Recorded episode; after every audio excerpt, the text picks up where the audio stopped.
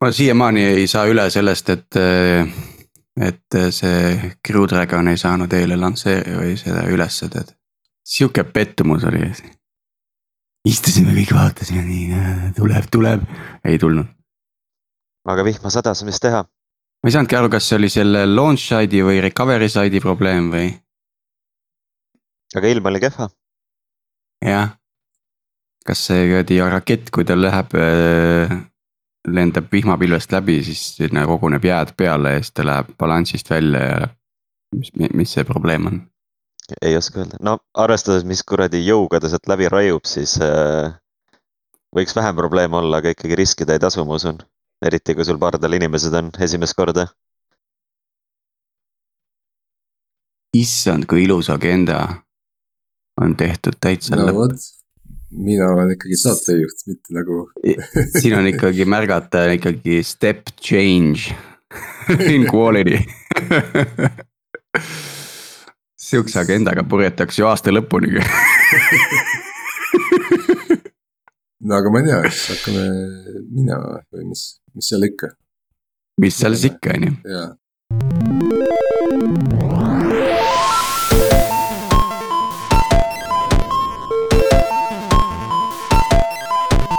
Täna on siis neljas juuli ja me salvestame järjekordset Algorütmi saadet. mina olen Sergei Anikin Pipedrive'ist ja meie virtuaalses stuudios koos minuga on Tiit Paananen Veriffist. tere, Tiit. tere, tere ja Priit Liivak Nortalist, tere Priit. tervist. nii, äh, meie tänase saate teemaks on äh, front-end arenduse üks populaarsemaid raamistikke React. ja meie saate külaliseks on inimene, kes elab lihtsa arendaja elu. ta nimi on Lembit Lõpp, tere Lembit. tere, Sergei ja mul on tunne, et lisaks React raamistikule ja muude front-end tehnoloogiate arutelule meil tuleb üsna palju nalju täna, sest Lembitil on väga hea huumorimeel.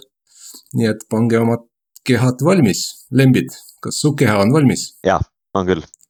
väga hea, et äh, võib-olla Lembit räägid meie küla, kuulajatele natuke endast, et mida sa oled teinud oma nii-öelda töökarjääri jooksul oi issver, see on nii pikk teekond. üldiselt äh, arenduskarjäär algas mul suht noorelt. esimesed siuksed freelance projektid ma tegin juba üheksandas klassis, aga see oli noh, võrreldes tänase päevaga noh, suht siukse titemäng äh,. arendajana tööd alustasin ma kaksteist aastat tagasi äh, ettevõttes, mis oli sihuke agentuurilaadne ning kus me noh, tegime projektilaadset tööd ja seal sai ikka sadu projekte läbi käidud ja igaüks oli oma siukse nii-öelda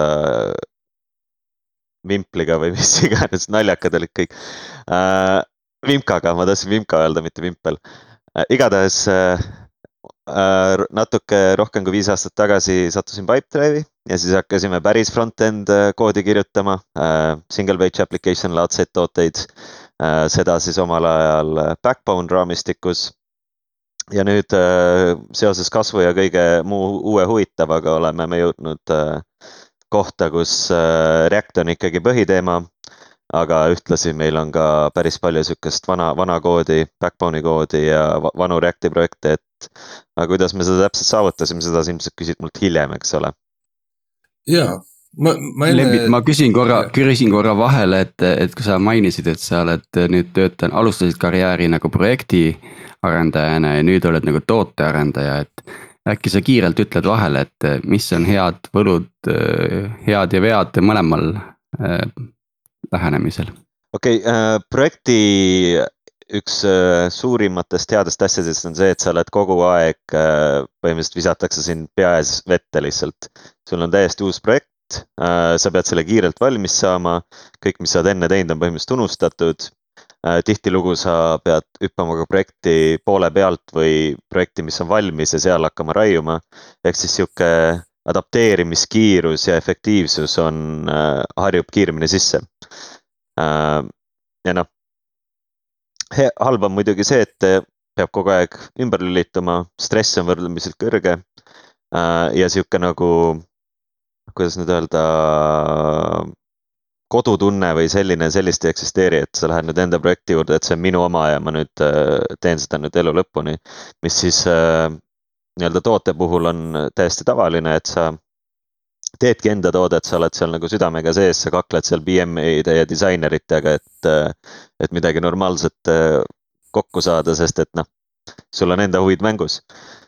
Ja ühtlasi sihukese nagu suurema tiimi ja toote puhul on üksteise õpetamine ja siuksed safety net'id on paigas, et kui meil on olemas kõik CI-d ja kõik tooling ud mingil määral nagu paigas, siis nende peale saab loota ja noh, uute projektide puhul jällegi ühe kliendi asjad võivad AWS-is olla, teise kliendi omad Sony FTP-s, eks ole. kunagi ei tea. nii et äh, kindlus kindlasti on, äh, on, äh, on siis toote puhul parem. isiklikult ma algajatele soovitaks projekti rohkem, nii õpib kiiremini, nii saab rohkem pikki näppe aga samas see safety net, mida pakub toode, on see, et kui sa, kui sa ei taha riskida, kui sa ei taha pikki näppe saada ja sa ei olegi inimene, kes niimoodi õpib ja areneb, siis äh, jumala eest toote peale. mina soovitan eelkõige suuri projekte, sellepärast et seal on need samamoodi need safety net'id paigas. ja need projektid kestavad ikkagi aastaid ja aastaid, mitte ei, mitte ei lõpe kiiresti ära. Ma hüppaks natuke tagasi sinu nii-öelda ajaloo ja karjääri juurde, et äh, ma tean, et kui sa Pipedrive'i tulid, siis äh, sa tegelikult äh, lülitasid ümber äh, nagu siukse back-end'i või full stack'i pealt äh, spetsiifiliselt nagu front-end'i arendajaks, et. miks see nii on olnud ja mis sind motiveeris? üldiselt noh, ma mäletan seda intervjuud küll, kus sina olid ja Oksana olid, eks ole. Aga, ja ma tulin tõesti back-end arendaja intervjuule ja läksin ära front-end arendaja proovitööga aga noh, jutust tuli välja see, et mulle tegelikult meeldib see visuaalne pool, et äh, kuidas äh, asjad nagu rakenduses kokku jooksevad äh,. mul on õrn sihuke nagu OCD seal ka, et kõik peab nagu ilus ja täpne ja reeglite järgi olema. Noh, kui API-sid ehitada, siis äh, okei okay,, igaüks oskab seda JSON output'i pritsida ja SQL päringuid teha, eks ole. et see nagu on kõik tehtav, aga ei ole nii huvitav. ja noh, üldiselt äh, mina olen spetsialiseerumise poolt, olgugi et ma olen võimeline tegema back-end'i, ma olen seda võrdlemisi kategooriliselt üritanud mitte teha Pipedrive'is. sest et äh, noh, mulle meeldib mõelda, et parem olla nagu ühes asjas väga hea, kui mitmes asjas keskpärane. Ja natuke veel äh, siis anekdooti või ajalugu, et, et see fraas, kas sinu keha on valmis ma tean, et see on trükitud äh, ühe sinu T-särkidest äh, peale ja sa mainisid enne saate algust, et sul on seitse T-särki, igaühe peal on oma fraas, et võib-olla räägid natuke taustalugu, et kuidas need tekkisid? Okei okay,, see oli tegelikult siis sünnipäeva King Pipedrive'i kolleegide poolt vist kolm aastat tagasi, kui ma õigesti mäletan, võib-olla isegi neli, aeg läheb nii kiiresti aga need fraasid on kõik, mida ma olen siis äh,, olin tol ajal kasutanud äh, kontoris inimestega vesteldes äh,. minu keha valmis on, äh, minu keha on valmis muidugi, juhul kui läheb mingi asja tegemiseks, eks ole äh,. Stand-up saab valmis, minu keha on valmis, lähme raiume koodi äh,. Easiest five points of my life omal ajal, kui meil oli veel korralik sihuke äh, Scrum, siis me Äh, hindasime ja viis palli oli sihuke nagu kõva task on ju, mida nädal aega raiusid, aga mul tihti läksid need poole päevaga ja siis see, see väljend oli äh, võrdlemisi standardne. ma kõiki muidugi ei mäleta, aga ma üritan äh, kiirelt nagu meelde tuletada. klassikaline, kui niisama vestlema minna kolleegidega, kuidas eraelus läheb. eks ole, mis meil veel oli? kus kringel on? kus kringel on täpselt see on äh, kõige olulisem küsimus Pipedrive'is, et äh, ometigi, kui on tähtpäev, siis peab tooma kringlit. ja kui ei ole, siis saab küsida, kus kringel on ähm,. mis meil veel oli? üritaks ühe veel meelde tuletada, sest et rohkem tõesti ei tule ah,. Nastarovia muidugi, terviseks. et rohkem mul hetkel ei tule, nii et jääb sinnamaani väga hea, aga lähme nüüd võib-olla tehnoloogiate juurde tagasi, et äh, Äh, et React on äh, tänapäeva nii-öelda võib öelda, et tipptehnoloogia äh, üsna laialt levinud. mis on sinu mälestused ajaloost, front-end arenduse ajaloost, et mis on need esimesed tehnoloogiad või millega sa pidid maadlema uh,?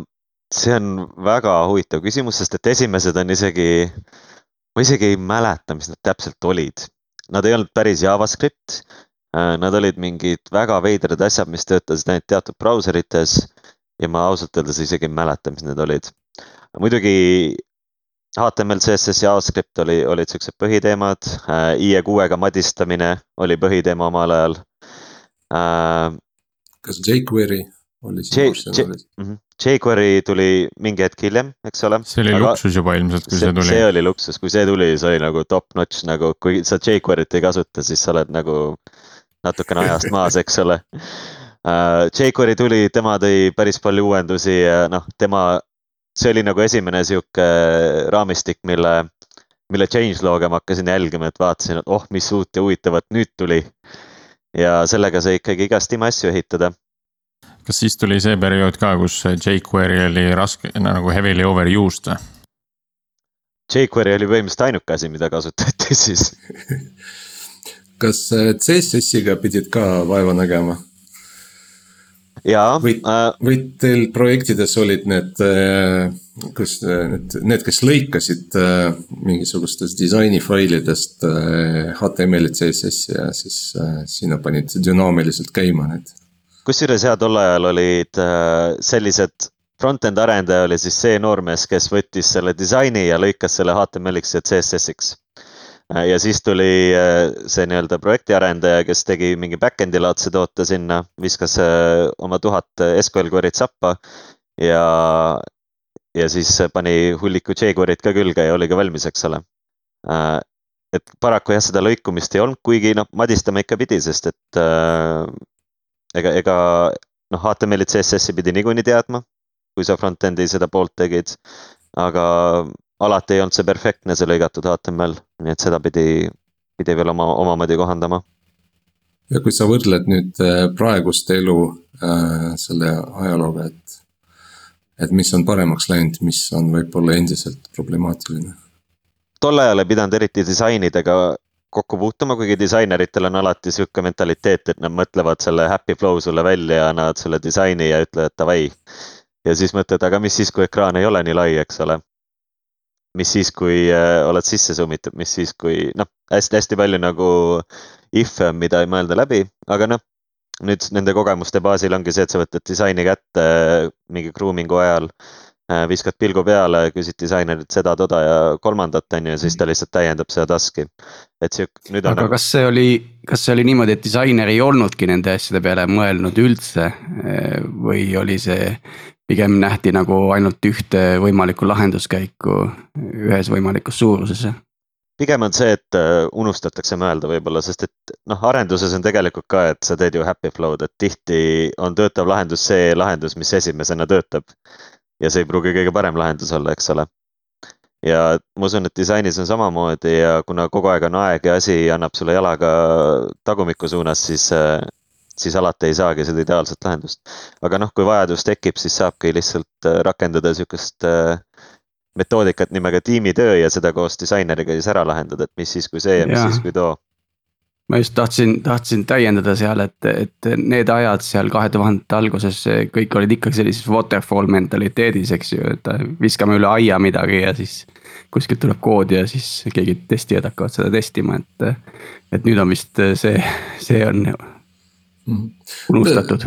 Äh, lähme võib-olla nüüd põhiteema juurde, React, et tavaliselt raamistikud lahendavad teatud probleeme, et või üldistavad mingisugust lähenemisi, et, et mis probleeme või üldistusi React siis arendaja jaoks loob või toob?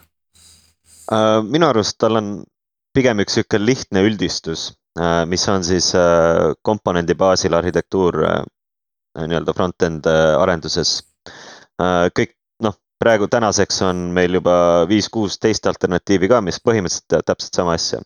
et sinu rakendus koosneb komponentidest, millel on mingi sisend API, mis on siis Reactable props ja siis ta käitub võrdlemisi etteaimatavalt lisaks need komponendid on taaskasutatavad sinu rakenduse raames või noh, isegi väljaspoole, kui sul on mingi komponent library ning noh, ta on põhimõtteliselt etteaimatav viis, kuidas rakendusi ehitada.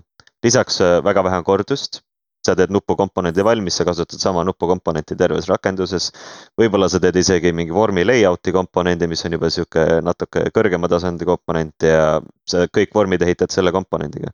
et ta lisaks sellele, et ta on, standardiseerib, teeb sihukeseks nagu, paneb kindlad nagu jooned sinu rakenduse juppidele.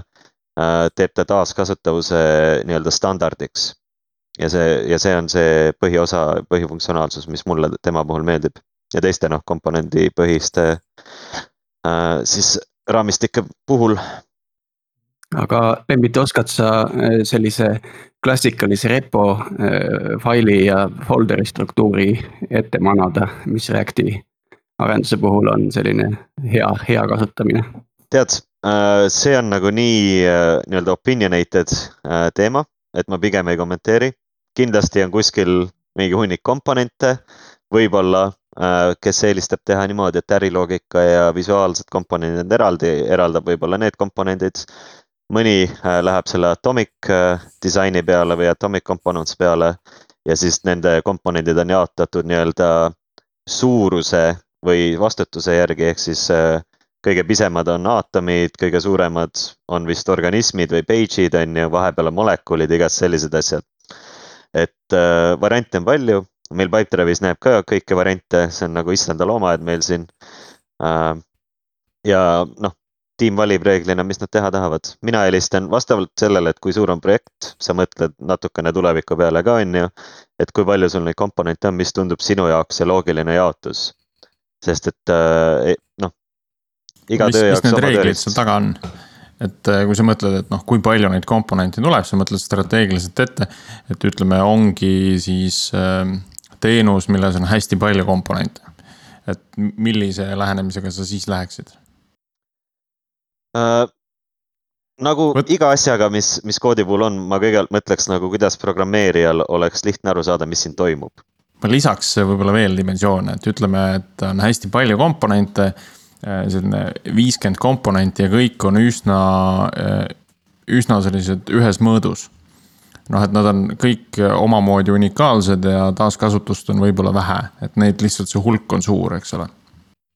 mis iganes loogika paistab loogiline arendajale tol hetkel, mina rakendaks seda, sest et jällegi koodi kirjutatakse inimestele, äh, masinad äh, omamoodi saavad sellest aru, see töötab masinate peal küll. aga kood on ju selleks, et järgmine inimene saaks tulla ja seda edasi kirjutada või sina saaksid tulevikus edasi kirjutada, et see ei ole kunagi kivisse raiutud et äh, see kõik sõltub situatsioonist, kui on võrdsed, siis võib-olla paneks kõrvuti. kui on mingigi, mingigi distinktsioon neil vahel, siis äkki saab kaustatada seal kuidagi.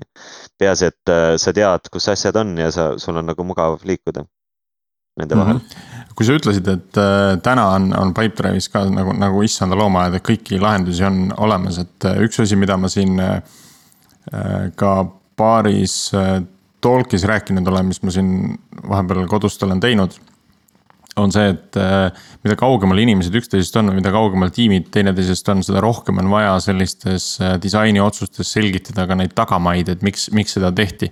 muidu tuleb teine tiim, teine arendaja sinna peale, vaatab seda koodi, mõtleb joh, ei tea, mis struktuur siin on, et noh. et ma teeks hoopis teistmoodi, et see on täitsa valesti, et noh, aga tegelikult ta võib-olla ei saa aru nendest äh, põhjustest, miks, miks see otsus nagu sellisel kujul tehti. Et kas noh, kui see pilt on kirju, et kas sa oled kohanud ka seda, et on, on seda kirjeldatud, et miks sellised otsused on tehtud või mis nende asjade taust on?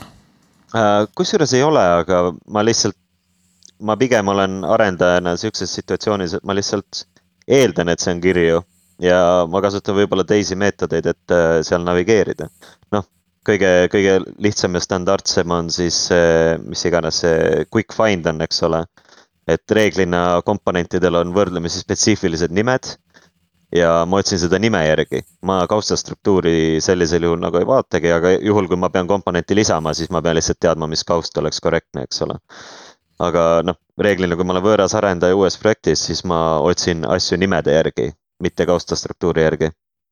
sest et äh, kaustastruktuuri järgi jällegi ükskõik, mida võid teha ja su asjad võivad ükskõik kus peidu sees olla, peaasi, et eh, noh, reeglina Reacti komponentidel on ka unikaalsed nimed ja nimede järgi leiab neid väga lihtsalt. tõuseks võib-olla natuke tagasi selle Reacti kui raamistiku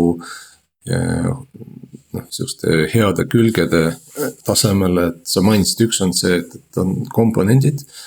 või siis component based development, aga miks raamistikku nimetatakse Reactiks? kust see tuleb hmm.? väga huvitav küsimus. kui ma nüüd, ma, ma tegelikult ei tea seda vastust, aga kui ma hakkan nüüd spekuleerima, siis ma usun, et äh, võib-olla sellest, et äh, React äh, reageerib ainult äh,, ta teeb asju siis, kui sisend muutub või äh, state. ehk siis äh, Reacti puhul on niisugune üks tore asi, et äh, ta renderdab ennast automaatselt uuesti, kui muutub sisend või muutub mingi sisemine, sisemine olek, eks ole. ja need on kaks ainsat varianti võib-olla tuleb sellest mm. -hmm. aga see renderdamine ei ole ka lihtsalt nagu äh, asjade muutmine HTML-is on ju, et, et, et võib-olla räägid sellest ka natuke ehk siis React renderdab niimoodi, et tegelikult äh, kui React renderdab, siis noh, kood, mis sa kirjutad, näeb välja nagu HTML, aga koosneb, on nii-öelda JSX, eks ole. mis siis, äh, kus sa saad panna segamini HTML ja komponente. nüüd, kui sa kutsud välja render funktsiooni, siis äh, tagastatakse põhimõtteliselt sihuke virtuaalne äh, puu sellest, et mis nüüd renderdama peaks, et okei okay,, ma pean div'i, sinna sihuke tekst, ma pean button'i sihukese tekstiga. Äh, ja siis see puu nii-öelda talletatakse. siis vaadatakse, mis oli eelmine see nii-öelda puu, mis oli eelmise renderi puu ja võrreldakse, mida peab nüüd muutma selles. võib-olla ei pea mitte midagi. ja siis jääbki muutmata ja kui peab, siis tehakse DOM operatsioonid. miks see nagu kasulik on, on sellepärast, et see virtuaalne puu ja selle võrdlemine on kordades odavam nii-öelda arvutusjõu koha pealt, kui on DOM-i muudatuse tegemine. et ma võin tuimalt selle DOM-i kohe ära muuta äh,. ideeliselt iga kell nagu e-, enam, enamus rakendustes ma võiks seda täna teha. aga me võidame arvutusjõus päris kõvasti, kui me seda ei tee. ja. sest siis jääb puudu see brauseri poolne töö, eks ole, mis, mis päriselt selle DOM-i muutuseks vajalik on. nii-öelda reaalne maalimine jääb tegemata, et see on nagu maalimise planeerimine. teed kenad plaanid ära ja siis maalid ainult nendes kohtades, kus sul vaja on. näiteks. Äh, nii palju, kui ma tean veel brauserites sõltub sellest, äh, kus kohas sa DOM-i muud, muudad, et kui sul on hästi pikk DOM on ju ja sa muudad algust siis brauser tegelikult üritab renderdada kogu seda puud mis on sellest muudatust allpool.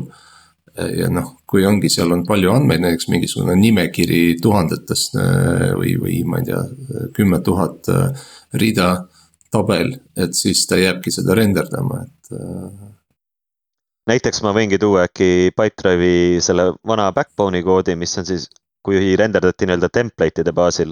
sul on mingi template, kuhu sa saad muutujad sisse visata Äh, see renderdub üheks puhtaks suureks string'iks, mis on siis HTML kujul ja see string visatakse siis DOM-i tervel, ter-, noh, kogu ulatuses. Ja nüüd, kui mingi asi muutub seal sees, tehakse täpselt sama asi, template renderdatakse kogu ulatuses ja asendatakse DOM-is, mis on siis meeletult kallis äh, operatsioon ja muudab kogu lehe ära, olgugi et suures osas täpselt samaks asjaks, aga ta ikkagi võtab ja vahetab selle välja ma kujutan ette, et äh, brauserid saavad mingil määral selle sama, samast asjast aru niikuinii, aga Reacti puhul on see, et ta isegi ei ürita sedasama nagu operatsiooni teha, vaid muudab ainult need asjad, mida on vaja tooks siia kohe äkki sisse ka võrdluse Angulariga, et ka Angularis on äh, komponendid, eks ole, olemas ja igal komponendil.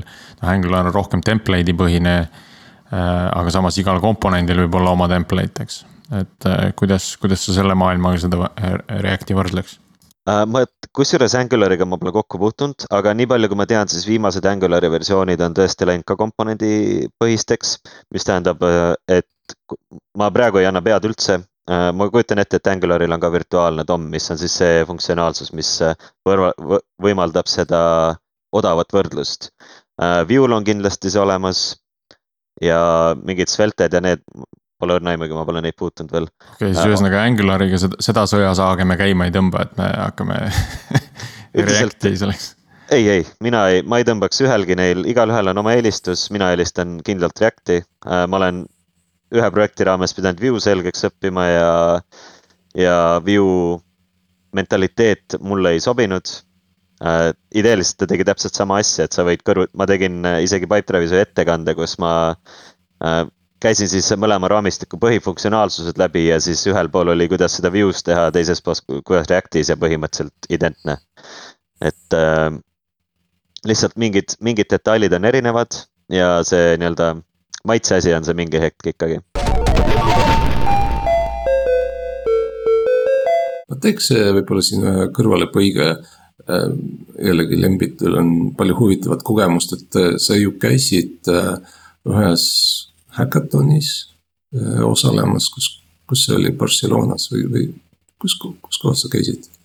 võib-olla uh, räägid sellest natuke, et see minu meelest on üsna huvitav kogemus. sa pead silmas siis seda Codecamp'i, kus ma käisin? jah, just okei okay,, see, see, see on ka sihuke pika ajalooga asi, ma ei tea, kas ma tervet ajalugu räägin ära äh, räägi tervet ajalugu, aga lihtsalt lühidalt okay., mis asi see oli? ühesõnaga ühel konverentsil äh, reklaamis üks ettevõte, et nemad teevad äh, Code Camp for senior developers äh,. ja siis nad kutsusid inimesi äh, soojale maale programmeerima nädalaks. see on alati Na väga ohtlik. see oli muidugi väga ohtlik äh, muidugi see oli värbamisüritus, selles polnud küsimustki. aga lisaks sellele pakkusid nad veel nädala eest sulle tuhat eurot ja kakssada euri lennuraha, nii et jumala eest ma kandideerisin ja mind võeti. Äh, ettevõte oli siis kivi.com, äh, Pipedrive'i inimestele natuke tuttav. Äh, ja põhimõtteliselt läksime, läksingi Barcelonasse. olin siis ainuke, kes ei olnud tšehh ega slovakk seal külaliste hulgas sest et see konverents oli või noh, see ettevõte on siis Tšehhi, Tšehhi äh, nii-öelda juurtega. ja siis olin seal nagu sihuke kolmeteistkümnes sõdalane ja õppisime, õppisime põhimõtteliselt teise ettevõtte stack'i natuke, et me saime mängida isegi nende jaoks mõne uue tehnoloogiaga, mängisime GraphQL-iga, mängisime väga huvitava asjaga nimega React Native Web, mis võimaldab siis ehitada rakendusi, mis äh, on sul kohe kolmel platvormil, veeb, Android, iOS. Äh, see oli päris lõbus. Äh, ja ühesõnaga saime seal igast huvitavate inimestega tuttavaks. hiljem, hiljem elus kohtusime ka seal nende mentoritega, kes siis juhuslikult nüüd töötavad Pipedrive'is ei et mina ei nüüd mõtle, kus, kelle jaoks see ohtlik oli Lembit käis seal äh, konverentsil. oi, ma pigem pidasin teistmoodi silmas, et kui seda promotakse, et see on seeniorite training camp või bootcamp, et siis äh, sa jõuad kohale ja leiad, et sa oled kõige targem tüüp nagu saalis, et. Äh, et sa ise nagu väga midagi ei õpi ja muutud nagu õpetajaks seal. aga ma küsiks selle React Native'i kohta nii palju, et kuidas sulle see tehnoloogia tundus, kas see oli midagi, mida sa kasutaksid hea meelega uuesti, sest minu enda kogemus mõni aeg tagasi elektroniga oli mõnevõrra, no ma ei saa öelda negatiivne, aga mitte positiivne, et kui ma teen pisikese rakenduse ja see pakib ennast kokku selliseks saja neljakümne megaseks äh, jurakaks, et noh, et siis äh, võib-olla ei ole kõige sobivam tehnoloogia selle jaoks. no mingil määral äh, peab arvestama sellega, et tänapäeva tarkvara ongi ehitatud bulkware'iks, et nagu miks me muidu peaks iga kahe aasta tagant uue telefoni ostma, kui need rakendused ei lähe iga päev, iga aastaga kaks korda suuremaks, eks ole. ei mahu aga, ära lihtsalt. ei mahu ära, aga noh, jah, paraku Electroni puhul on see, et peab Chrome'i kaasa panema. Reacti puhul päris nii ei ole ja React Native'i puhul ka. aga mis, miks mulle meeldib React Native on see, et äh, see ühtlustab selle keele, millega sa kirjutad nüüd teisele platvormile rakendusi.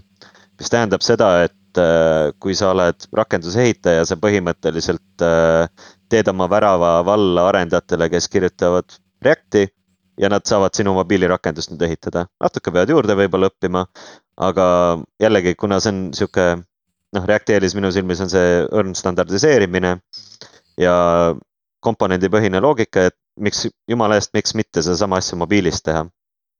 ja no olgugi, et temaga ei saa kõike teha, saab temaga väga palju teha ja võrdlemisi hästi. ja seega sa lihtsalt äh, kasvatad oma võimalike arendajate hulka projektile, kui sa kasutad React Native'it. ma küsikski kohe, et kui sa React Native'is teed mobiilirakendusi, kas kõik äh, nii-öelda operatsioonisüsteemi, süsteemi leveli API-d on endiselt kasutatavad samamoodi nagu native rakenduses? see peaks olema jah võimalik äh, sa noh, sinna peab võib-olla mingeid nii-öelda sildu juurde ehitama, default'is on teatud sillad olemas, mis on siis nii-öelda React Native'i komponendid, et kujutame ette, et sa tahad nuppu või standardnuppu või mingi kaamerale ligi, siis sa juba kasutad olemasolevat komponenti. aga see komponent on tegelikult siis sild masi-, noh native rakenduse masinkoodi vahel ja siis Reacti vahel. et neid sildu sa saad juurde ehitada nii palju, kui sa tahad üks, üks tore eelis on tegelikult muidugi see, et kui sul on äh, rakendus, mis on äriloogiliselt väga sarnane desktop rakendusega, siis seda äriloogika osa on, äh, kuna noh, lõpuks sa kirjutad JavaScripti, sul on võimalik seda jagada võrdlemisi lihtsalt. ja siis noh, kolmas variant on React Native Web, mida ma isiklikult ei soovita, aga mis on äh, mingi kiireks projektiks väga lõbus. on see, et sa teedki oma rakenduse niimoodi, et ta on koheselt kõikidel platvormidel sama, samas, sama koodiga. No sellest me rääkisime mõned episoodid tagasi ka äh, lingvistiga, et kuidas äh, äh,, kuidas siis lingvist enda rakendust alustas selle nii-öelda jagatud mudeliga, kus veebirakendus porditi native'i peale ja, ja hiljem siis nad jõudsid täitsa native äppide arenduseni, et see ikkagi on nende jaoks jätkusuutlikum ja parem mudel ma küsiks võib-olla selle front-end'is, äh, noh, sa joonistad ju need kasutajavaateid, on ju, aga kuskilt nad peavad äh, oma andmeid saa-, saama ja samuti saatma, on ju. et mis on see sild või, või millised variandid nagu li-, nende nii-öelda storage'i või serverite liidestamisega Reactil? no võrdlemisi standardne on siis RESTful API-d üle HTTP, eks ole Äh, kuid noh, tänapäeval äh, trügib vahele ka GraphQL, mis siis võimaldab äh, natukene sihukest mugavamat või cherry picking laadset API-ga suhtlemist, mis vähendab siis natukene andmemahtu, mis liigub ja teeb võib-olla sihukese arenduse natuke loogilisemaks. aga jällegi ma ise tunnen, et GraphQL on küll tore ja äge, aga GraphQL-i back-end on meeletu.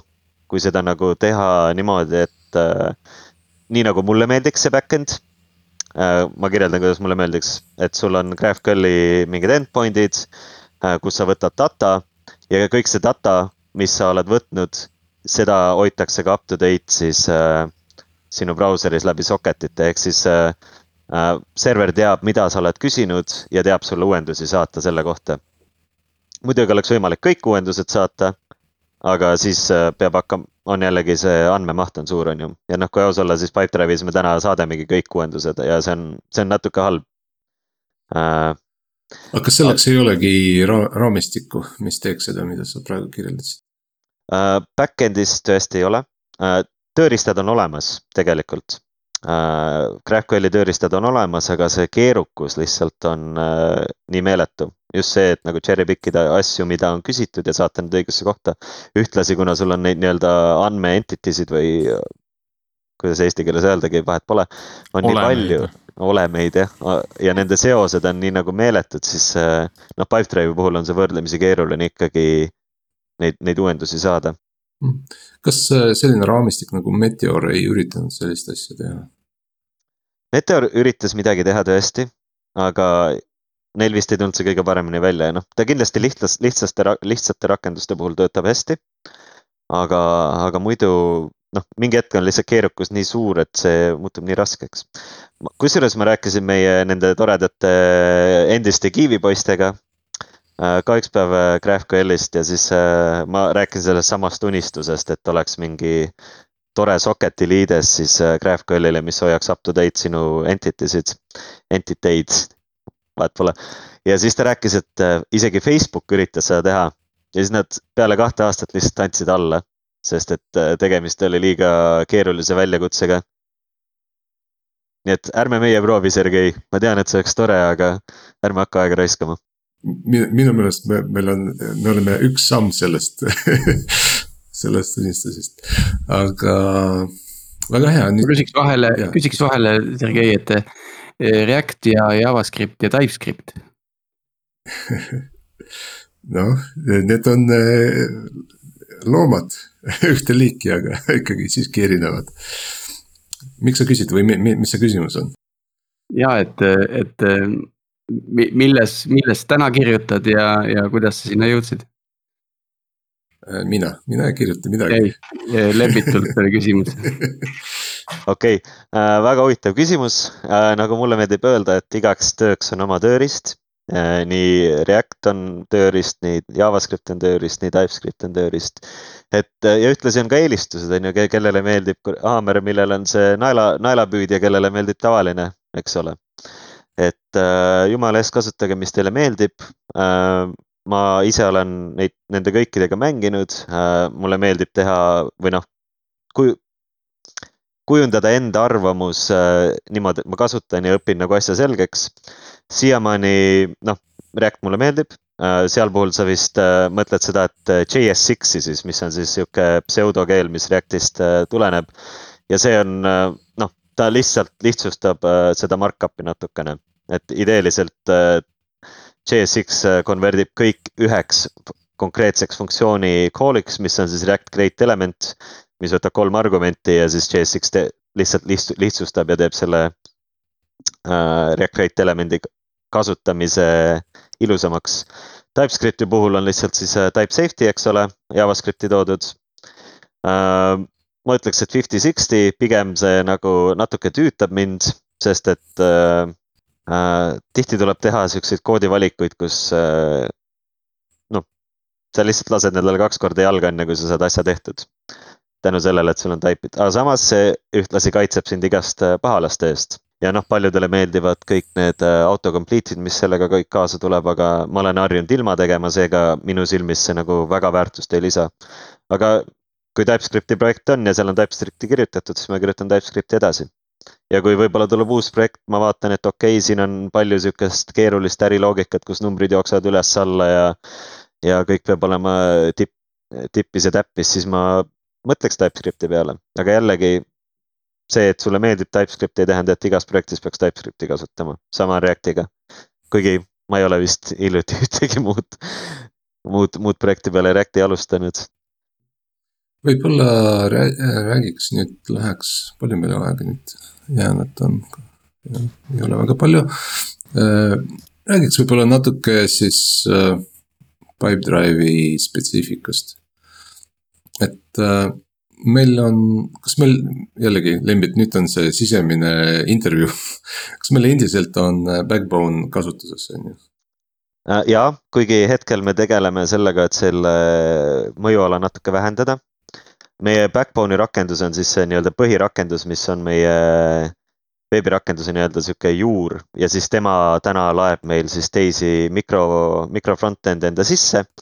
aga me täna tegelemegi vundamendi vahetusega, ehk siis me peksame seda React'i või seda Backbone'i sealt tuimalt välja ja asendame noh, teise nii-öelda vundamendiga see on natuke keeruline, sest et need mikro front-end'id meil natuke sõltuvad äh, sellest vanast asjast, aga noh, selle vastu me tegime ka seda, et me tegime selle vana asja nii-öelda juppideks.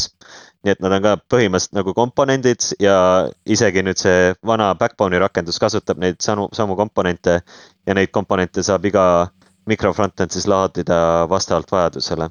et need on küll täpselt sam sama koodibaas, mis vanasti oli või noh, väga sarnane äh,. aga aga nad on nüüd eraldatud, isoleeritud, äh, neid ei tohiks eriti näppida ja mingi hetk, kui me leiame nagu mingile funktsionaalsuse, näiteks me küsime sealt äh, kasutajaandmeid läbi REST API.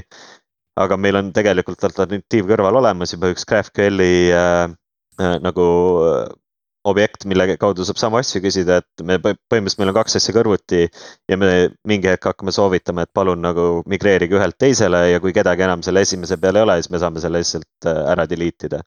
aga paraku jah, kuna, kuna see backbone oli meie rakenduse juur, siis selle nii-öelda ümberkirjutamine ei ole niimoodi, et me teeme seda kahe nädalaga, vaid kõigepealt pool aastat ettevalmistus, siis äh, poolteist aastat migreerimist ja siis võib-olla saame ära kustutada mm,. sellised üleminekuprojektid on alati pikemad, äh, kui arvatakse või ette nähakse, et äh, kas see oli selline algne visioon, et see võtabki selline aasta-poolteist aega või, äh, või alguses nähti ikka, et noh, võtame selle Reacti siia kõrvale ja poole aastaga oleme uue asja peal?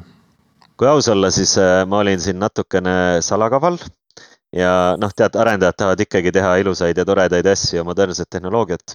ja meil oli vaja siis meie rakendusele uus nii-öelda navigatsioon ehk siis see top level kasutaja interface luua. ja me ütlesime, et, et noh, ideeliselt me saaks selle sinna vanasse rakendusse teha, aga ärme tee teeme hoopis uue rakenduse, vahetame selle vundamendi ümber. Et siis tänu sellele meil on hiljem nagu edasine arendus on oluliselt parem, kiirem ja kõik on nagu toredam ja lillelisem. ja noh, tegelikult me nüüd investeerisime natukene legacy hävitamisele ja tule, parema tuleviku loomisele äh,. see koos selle projektiga, mis oli siis uue nii-öelda navigatsiooni layout'i loomine ma arvan, et see on üldine põhimõte, mida ma üritan Pipedrive'is ka nii-öelda kasutada, et, et iga infrastruktuuri mingisugune vahetus või tehnoloogia vahetus või mingite uute infrakomponendide ehitamine peab mingisugune. võib-olla ta ei ole proportsionaalselt äh, sama suur, kui palju me aega ja jõudu sinna alla paneme, aga kasutajale peab mingisugune kasu sellest ka tekkima, on ju, et, et et see on ehe näide, kus äh, meil tekkis vajadus äh, uut navigatsiooni teha. Ja selle raames me vahetame ka seda vana raamistikku uue raamistiku vastu. kusjuures üks, üks huvitav sihuke nagu paralleel Reactiga on ka selle uue raamistikuga, et me oleme nüüd oma, kuna meil on mikro nii-öelda front-end'id ja siuksed nii-öelda jagatavad koodijupid, siis äh, me oleme liikunud ka oma mikro front-end'i struktuuris äh, nii-öelda komponendipõhiseks. Ehk siis äh, kõik asjad, mis me ükskõik mis mujalt kasutame, me nimetame neid komponentideks, neil on alati standardsed API-d. me saame neile ligi ühe uue tööriistaga, mida me nimetame component loader'iks. ja kui enne oli see, et meie see vana nii-öelda vundament jagas andmeid laiali igale poole, et kui sa mikro front-end oled, siis me anname sulle lihtsalt portsu mingeid, põhimõtteliselt äh, anname sulle Swiss Army knife'i kaasa, et vaata ise, kuidas hakkama saad äh,. Nüüd on niimoodi, et iga mikro front-end ise küsib, et okei okay,, mul on nuga vaja, mul on kruvikeeret vaja, mul on äh, haamrit vaja ja noh, see on natukene sarnane selle Reacti lähenemisele, et kõik on nagu standardsete appidega ja võrdlemisi hästi isoleeritud no me räägime ikkagi inversion of control'ist on ju, et, et don't call us, we will call you, et uh,. Räägi võib-olla natuke mikro front-end idest ka, et, et mis asi, mis, mis loom see on? jällegi ma, ma tahan tsiteerida oma, oma neid uh, Kivi, Kivi sõpru, et it's just uh, advanced code splitting, eks ole. et uh, ta on sarnane siis uh, mikroteenustega back-end'is et tegelikult su teenus on lihtsalt teises koodibaasis ja võib-olla jookseb mingis teises serveris. kuna, kuna front-end'is ei ole servereid, sul on, kõik jookseb äh, kliendi brauseris ja kuna meil on single page application, siis äh, põhimõtteliselt me paneme ühe rakenduse kohtu, kokku mitmest pisikesest rakendusest, et meil on äh, üks sihuke host rakendus, kes võib-olla on orchestrator, et kui sa langed mingi, saabud mingile lehele, siis tema renderdab sinule kõik menüüd ja värgid. ja siis nagu põhisisualasse siis äh, vaatab, okei okay,, ma olen sellel URL-il, sinna renderdan selle rakenduse osa. Ja noh, front-end'is on see, et äh, mis sul vaja, et renderdada, sul on vaja ainult ühte koht, sul on vaja pesa ainult et põhimõtteliselt ühte auku, kuhu sa ennast saad renderdada, reeglina on see meil see põhisisuala. ja siis sa võid sinna ükskõik mida renderdada ja iga mikroteenus ongi see, et ta on põhimõtteliselt mingi asi, mis võimaldab sinna nii-öelda auku ennast renderdada. Äh, see mikroteenus võib olla Reactis kirjutatud, Vue's kirjutatud, ükskõik milles kirjutatud, kuigi reeglina ta on meil Reactis. ja ta võib, ta võib võrdlemisi isoleeritult enda koodibaasis iseseisvalt deploy tult teha ükskõik, mida ta tahab. ja kuna meil on see, et don't call me, will, will call you or whatever loogika, siis äh, nad võivad suht ükskõik mida teha. aga see on siis selline nagu web components'i põhine, et, et see noh, kuidas see slot ära täidetakse nii-öelda selle komponendiga või see on juba kuskil library tasemel äh, tõmmatakse see teine tükk Eh, mikro front-end'i koodi osa nii-öelda sõltuvusena selle, selle suure front-end'i külge ja, ja läbi selle siis luuakse see seos um,? ta, me ei kasuta neid, mis asi me seda mainisime, ma juba unustasin ära, aga noh, ideeliselt see on, on ka väga Reacti laadne. et ta on komponendipõhine, aga, aga tal ei ole lihtsalt seda virtuaalset puud. aga kuidas me seda teeme, on see, et me põhimõtteliselt jah, see nii-öelda host komponent ütleb, et okei okay,, siin on üks element, mis ma jätsin nüüd tühjaks ja sinna sisse saab renderdada siis mikro front-end'i. Äh, me oleme teinud standardse tööriista ka, et nagu kui sa tahad ükskõik kus äh, rakenduse osas renderdada teist rakendust, siis sa lihtsalt äh, jällegi kasutad ühte standardset komponenti, mis aitab seda sinna renderdada. aga koodi mõttes, ma ütlen, et see mikro front-end, kas äh, hoitakse kõik need frondid koos ühes monorepos või, äh, või nad on seal erinevate teenuste ju, juurde, erinevad teenused on eraldi repodes ja tõmmatakse sõltuvusena külge, et kuidas see koodi poole pealt välja näeb äh,? iga teenus on eraldi repos äh, ja igal teenusel võib olla vähemalt üks, üks kuni mitu äh, siis nii-öelda komponenti, mida ta nii-öelda väl-, väljutada saab, et tihti tiimid tahavad nagu ühes repos teha nagu mitu lehte või komponenti, mida nad siis äh, kuvada tahavad. kuidas see välja näeb, on see, et äh, nad host itakse kõik siis äh, nii-öelda avalikus veebis, assets failid, nii nagu peab JavaScripti, HTML-i ja CSS-iga tegema, eks ole. ja nad nii-öelda, kui nad käima ennast lükkavad, sest et meil, meil paraku jookseb iga, iga front-end teenuse jaoks siis ka server mis neid äh, front-end asset eid jagab. ja see server siis registreerib meil äh, ennast, äh, registreerib need komponendid, mis on jagatud ära. ja siis nad põhimõtteliselt satuvad sihukesesse nimekirja, nime järgi, kus öelda, kus on nagu komponendi nimi või noh, teenuse nimi, komponendi nimi ja siis sa teised teenused või komponendid saavad neid laadida siis selle nime järgi, et siis kui mul on enda teenus nimega teenus A, siis ma saan teenus B-s öelda, et palun lae mulle teenus A ja siis ma saan sellega teha põhimõtteliselt saan selle koodi kätte, mis teenus A oli endale äh, defineerinud, eks ole. ja see kood võib olla Reacti vaade, see võib olla mingi, meil on isegi siukseid komponente, mis ütlevad sulle lihtsalt true või false. näiteks, et me tahame teada, et kas kasutaja on äh, admin või mitte. mingi jõhker arvutus käib JavaScriptis käib, aga me ei taha seda teha tuhandes projektis, siis me tegime komponendi, mis äh, põhimõtteliselt ütleb sulle true või false ja see on täiesti okei okay. Me cache ime kõiki eh, neid asju, mida me laeme, et ühe korra võib-olla laetakse mingit koodi, siis jäetakse meelde, kas ta oli true või false. ja kui keegi teine järgmine kord küsib, siis ta saab instantselt põhimõtteliselt vastuse. võib-olla mhm. räägid natuke, noh, sa mainisid, et, et, et sa teed selle mikro front-end'i deploy'd selle eraldi serverisse on ju, ja siis sa registreerid seda ühtsesse nimekirja ja siis meil on äh, tehtud ka komponent nimega Juura, võib-olla räägid selle ajaloost, miks, mis asi see on ja miks ta nimi on Juura? okei okay., kõigepealt, miks ta nimi on Juura, sest et meil on ka barista. barista on siis see, kes tegeleb äh, back-end äh, nii-öelda request'ide ruutimisega õigetesse teenustesse, et kui avalikust veebist tuleb request, siis me saadame selle õigesse mikroteenusesse. ja Juura teeb väga analoogset asja siis äh, front-end'is et kui keegi küsib mingit konkreetse teenuse faili, siis Jura võtab selle request'i ja suunab selle siis sellesse mikroteenuse serverisse. Äh, miks meil seda vaja oli, oli see, et äh, omal ajal muidu me pidime lisaks sellele, et me teeme nagu mingi teenuse, mis äh, neid faile jagab serveri, me pidime siis ühte teenusesse veel kirjutama, et okei okay,, meil on sihuke server ja see oli nagu sihuke jube tüütu teha, et lihtsam oleks, kui teenus saab ise öelda, et hei, ma asun sellel aadressil ja mul on need komponendid. ja siis iga kord, kui teenus püsti läheb, siis ta ütleb, et hei, siin ma olen, äh, siin on minu komponendid ja Jura siis äh, võtab selle informatsiooni. kui tuleb avalikust veebist request, siis Jura forward ib selle siis äh, sellele või noh, küsib seda faili siis sellelt konkreetselt teenuselt ja annab selle siis avalikus veebis tagasi. ühtlasi Jura ette on meil istutatud sihuke tore asi nagu CDN mis siis äh, hoiab, äh, võimaldab sihukest äh, kiiret failide kättesaamist üle, üle veebi kogu maailmas.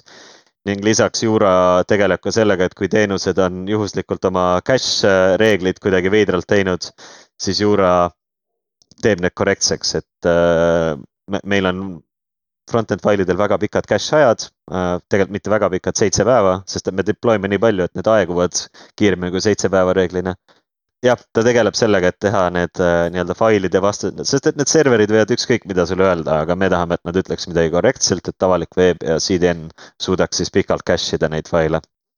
kuidas, kuidas sealpoolel turvalisus tagatud on, et keegi kolmas osapool ei saadaks nii-öelda, ei registreeriks oma komponente sinna juurasse, on see lihtsalt võrgu tasemel piiratud või on seal midagi muud juures? see on põhimõtteliselt võrgu tasemel piiratud, meil põhimõtteliselt kirjutatakse see siis konsulisse, ma ei tea, kas te olete konsulist omal ajal rääkinud, kindlasti olete. ehk põhimõtteliselt. Algorütmis vist veel ei ole. -hmm. põhimõtteliselt ta kirjutatakse siis sisevõrgu nii-öelda key value story äh,, mida siis väljast äh, ei nähta äh,. küll me kuvame hiljem selle key value story äh, front-end'is välja, sest et me peame teadma, mis komponente me laadida saame ja kus nad asuvad.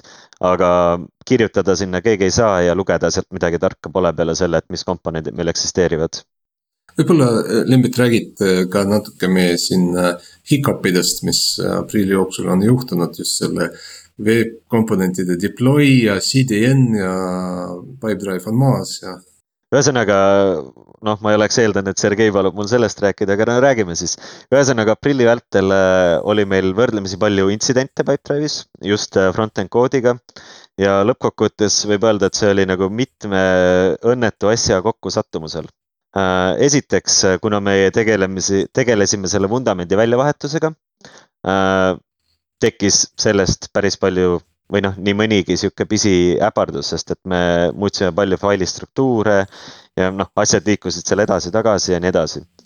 samal ajal äh, tuli välja, et meie cache imine CDN-i tasandil oli katki äh,. ühe muudatusega, mis oli natuke enne tehtud Äh, meie cache imine on niimoodi, et meil on äh, iga kord, kui me request ime faile, et siis meil on üks kindel hash, millega me request ime, me kasutame seda hash'i nii-öelda cache breaker'ina. aga faili nimi on reeglina sama. ja Jura ühtlasi kontrollib seda, et kas see hash on õige. kui see hash ei ole õige, siis ta annab sulle äh, lühikese cache aja, mis tähendab seda, et äh, fail küsitakse serveris kohe uuesti äh,. ja mis siis juhtus, oli see, et põhimõtteliselt pooltel failidel oli hash õige ja pooltel oli vale. mis tähendas seda, et pooled failid cache iti pikalt ja pooled lühidalt.